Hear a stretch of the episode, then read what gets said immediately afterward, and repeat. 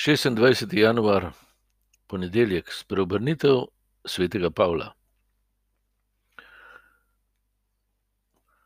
Iz preganjalca kristjanov in celo morilca kristjanov, iz tega velikega hrepenenja, da bi bili vsi člani božjega ljudstva eno, Pavel postane po milosti Boga, apostol za pogane, tisti, ki potem poganom govori in oznanja o utelešeni božji ljubezni in o tem, da je Bog oče poslal svojega sina, da bi mi spoznali, kdo je in kakšen je Bog in kdo smo mi zanj.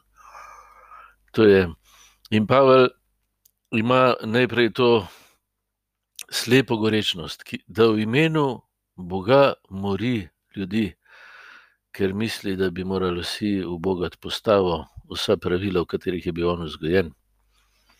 Se pravi, eh, je goreč, ampak nima nobenega razločevanja, nima ljubezni do človeka.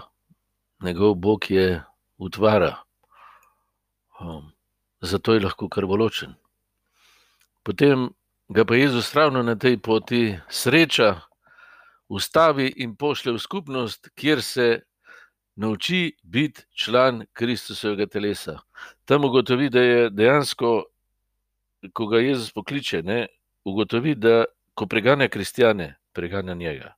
Ko preganjam brata in sestro, preganjam Kristusa. On se je poistovetil z mojimi brati in sestrami. Ker je sin, ne? če ne, ne bi bil sin, bi bil en terorist, bi bil en samopašnež, ampak je sin in brat.